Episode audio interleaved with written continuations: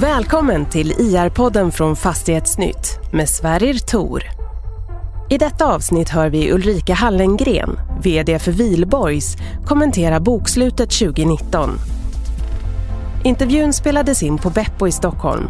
Men först, lite fakta och nyckeltal.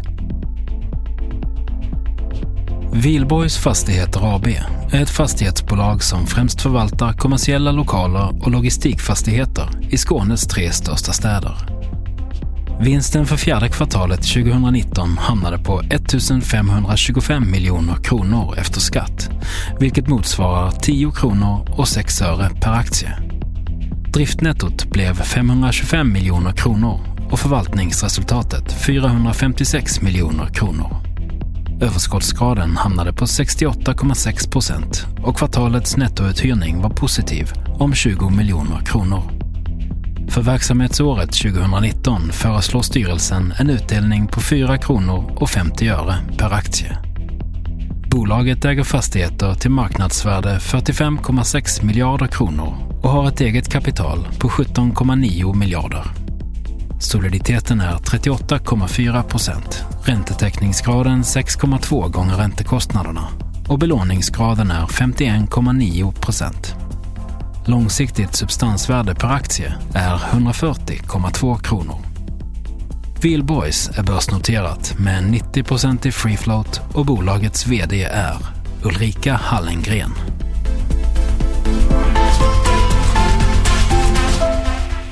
Hej Ulrika, välkommen till IE-podden. Hej, trevligt att vara här. Kul att ha dig som vanligt. Vi, jag sa det just till Knut Drost som var i podden innan dig, att det är trettonde säsongen vi kör. Oj. Mm, vi börjar närma oss Cityakuten, det är kul. och det var ju också en referens. ja, precis. precis. Men du har inte varit med alla gånger. Anders var ju här några gånger innan dig. Är du nöjd med rapporten? Jag är nöjd, absolut. Mm. Rekordrapport, än en gång. Börjar inte det bli tröttsamt det där med rekord? Trött på rekord? Ja. Det blir man inte trött på. Jag sa faktiskt det idag, att det är ju en av våra, som också ligger i vår historik. Vi sätter en ny ribba och sen slår vi den. Men blir inte det monotont? Det finns ingenting som är tråkigt med det, kan jag lova dig.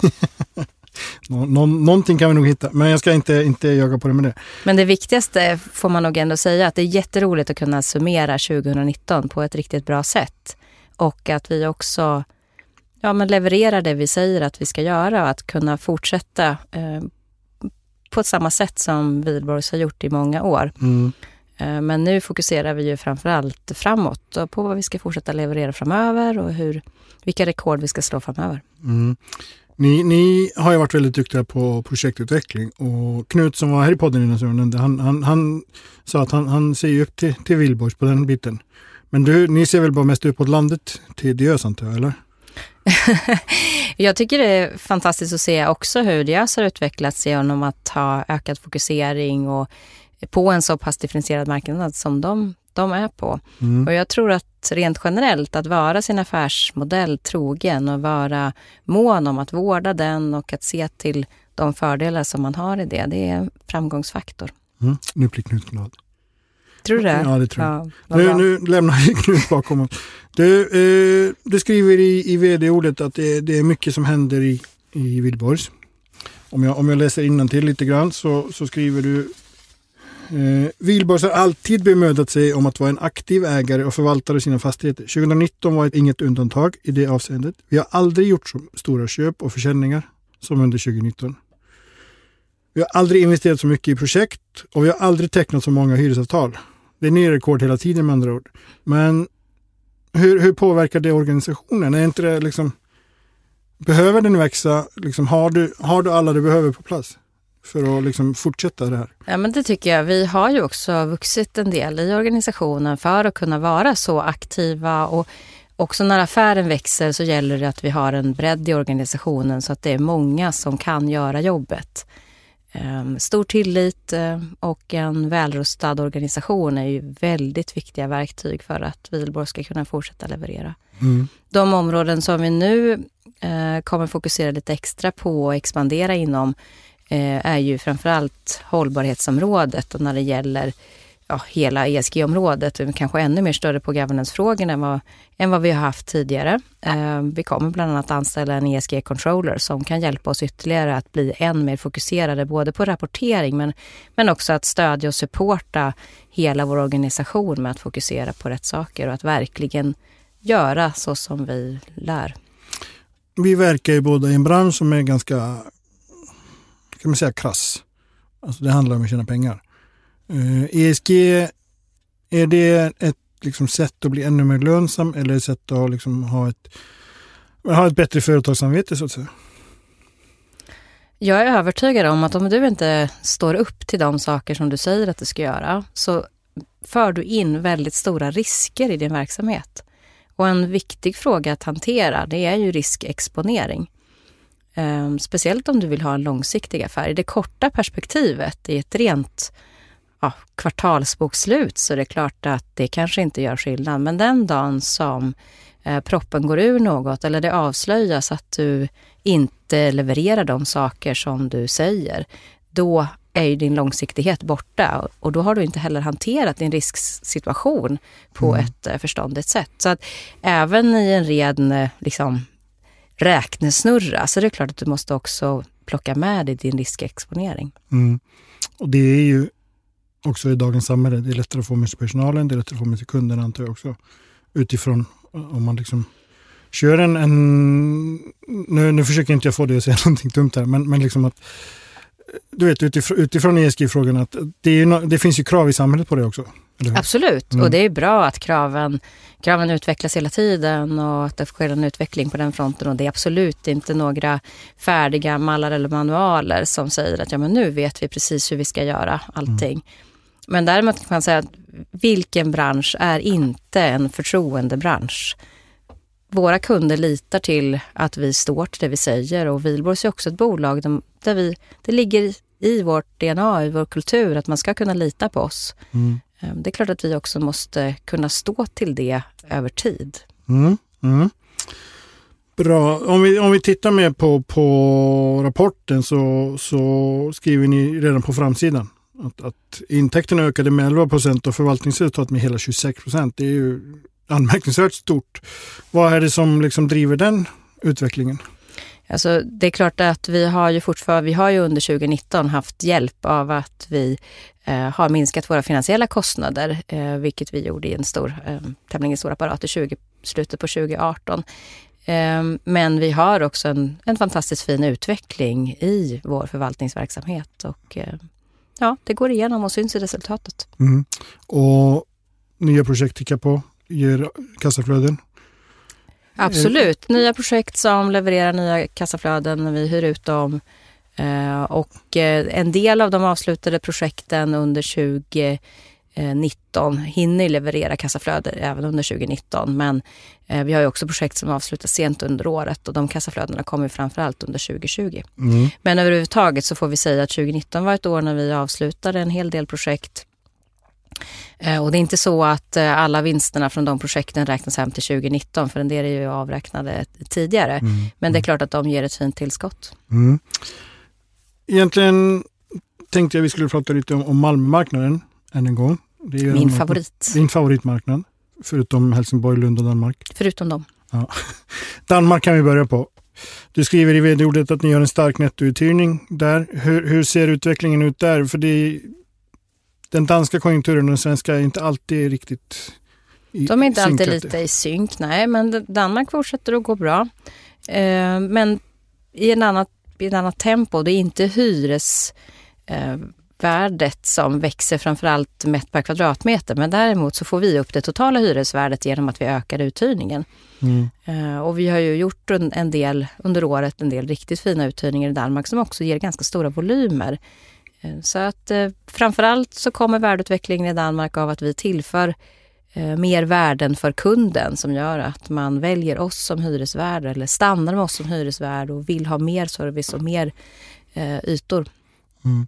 Blir Danmark en, en, mer, en viktigare och viktigare pjäs i, i, i portfölj så att säga?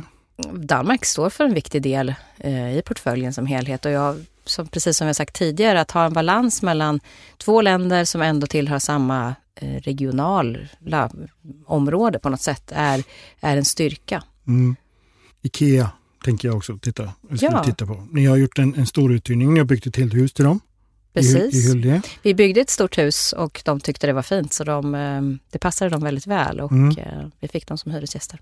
Och de ska hyra, det hörde vi på Real Estate Öresund förra veckan, de ska hyra in sig i moduler utanför, utanför butiken i, i Svågertorp. De växer kraftigt i, i Malmö just nu, Hubbhult och allt det där. Eh, hur, hur viktig är Ikea för er marknad? Ikea är ju en av de aktörer som har vuxit kraftigt. De släppte siffror häromdagen som visade att sedan 2017 så har de tillfört 1400 nya arbetsplatser till Malmö. Men det är också intressant att se att det tillskottet av arbetsplatser har inte skett på bekostnad av några andra orter där Ikea eh, har starka fästen, Helsingborg och Älmhult till exempel. Utan det sker faktiskt en tillväxt där också, om än inte lika stark. Så det vittnar ju om att eh, förstås Ikea är ett expansivt och starkt bolag som, som också tar tillvara de möjligheter i att förändra sin affärsmodell och sköta det med, med egen bemanning på ett bra sätt. Mycket intressant för, för Malmö att få den kompetensen och den drivkraften. Mm. Om, man tittar på en liknande grej men, men ändå inte alls och, och inte ens på, ja det skulle väl kunna vara er marknad men, men Microsofts etablering i Staff, Staffanstorp. Ett stort välkänt varumärke som kommer dit med, med högkvalificerade jobb. En helt annan typ av fastighet, en helt annan typ av jobb men det känns ju ändå som att någonting är på G. Mycket mer, vi har ju pratat om det förr att, att Malmö och Skåne är på G men det känns som att det börjar hända nu på riktigt. Jag tänker att eh, vi tycker att det har hänt länge, Mm. men det är kanske så att omvärlden än mer får upp ögonen för det. Mm. Så då kan man ju diskutera kring om det händer nu eller om det har varit en händelse som har pågått under en lång tid. Mm. Känner du att, att Skåne har tagit ett permanent steg framåt? Om man säger så? Ja, man kan säga att om du bara tittar på demografin och förutsättningarna för att ha en fortsatt bra tillväxt så tror jag absolut inte att det är någon form av dagslända. Utan det är en process som har pågått under lång tid och jag ser inte någon, några hinder i vägen för en, en fortsatt fin tillväxtregion. Mm. Inte, ens, minst med tanke på inte de ens gränshinder höll på att säga. Nej, Men gränshinder är klart att, att det kan ehm, det kanske inte gynnar den, den tillväxtpotential som egentligen finns i kraft av hela demografin i Sverige och Danmark. Men eh, trots de här gränshindren så, så sker ju en, ett väldigt, ett, en samverkan eh, och det finns ett behov. Ehm, Köpenhamnarna har behov av den, den unga arbetsföra befolkningen i Sverige. Det är bra när det finns ett behov från båda sidor så att säga. Som, det, det gynnar ju också förutsättningar för att lösa de gränshinder som finns. Mm.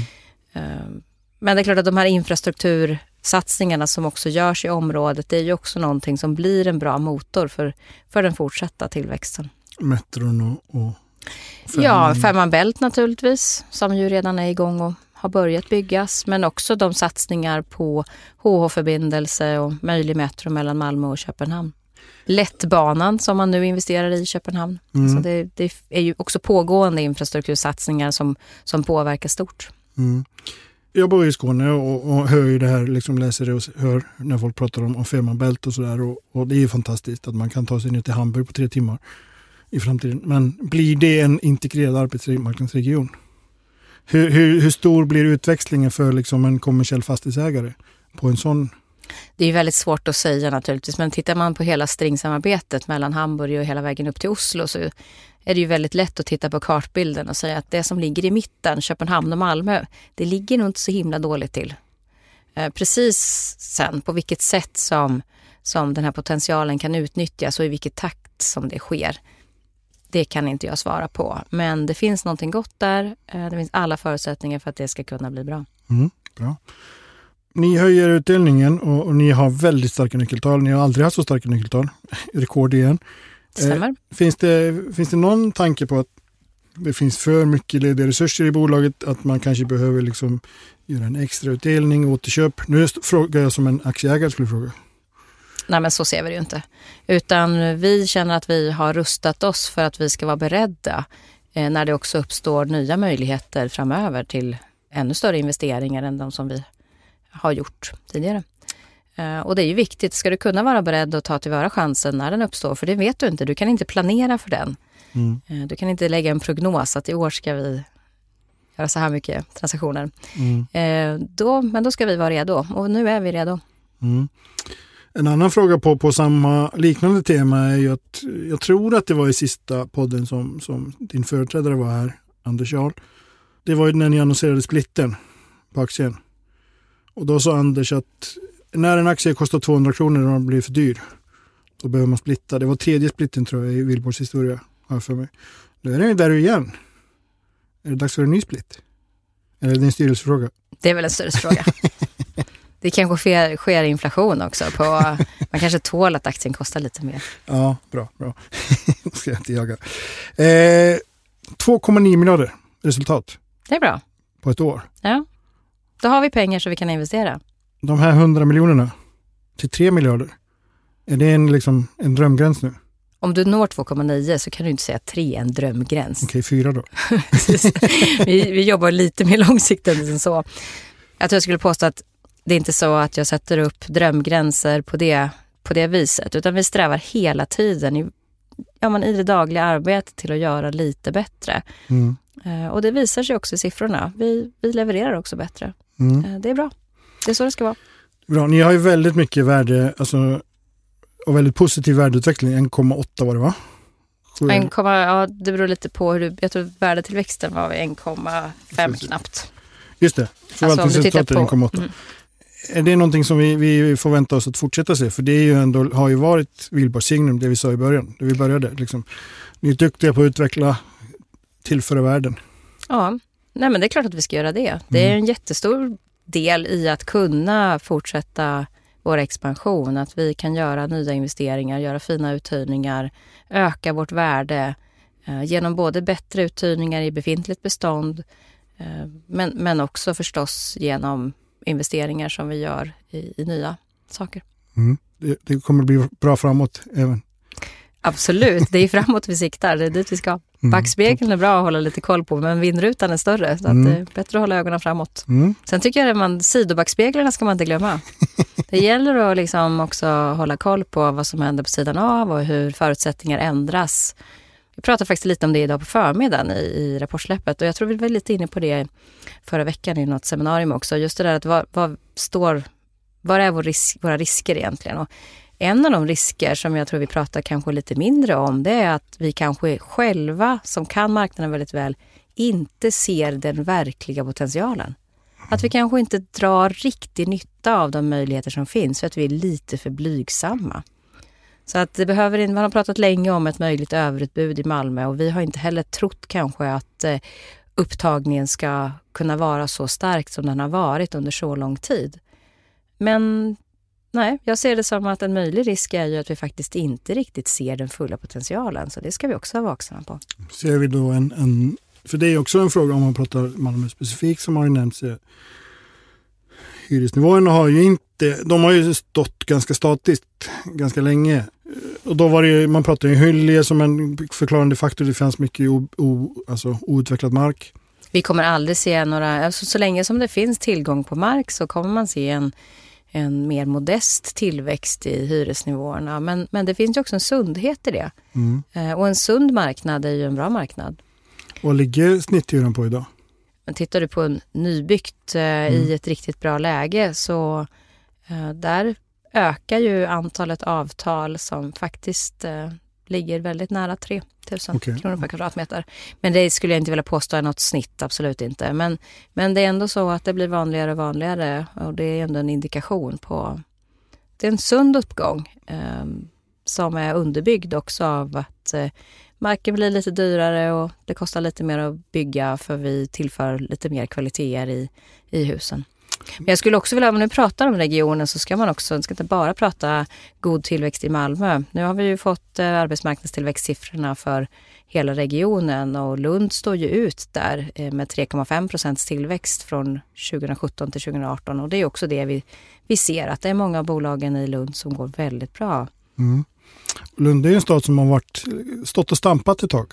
Tillväxten har nog varit fin, men man hade ju väldigt stora eh, neddragningar mm. eh, när Astra lämnade och både Sony och Ericsson drog ner.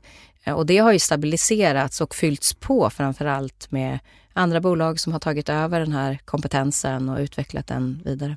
Kul, och det blir kul att se vad som händer när, när för, spårvägen är i full gång. Absolut. I höst. kan vi prata mer om senare. Ja. Nu säger vi tack Ulrika. Tack.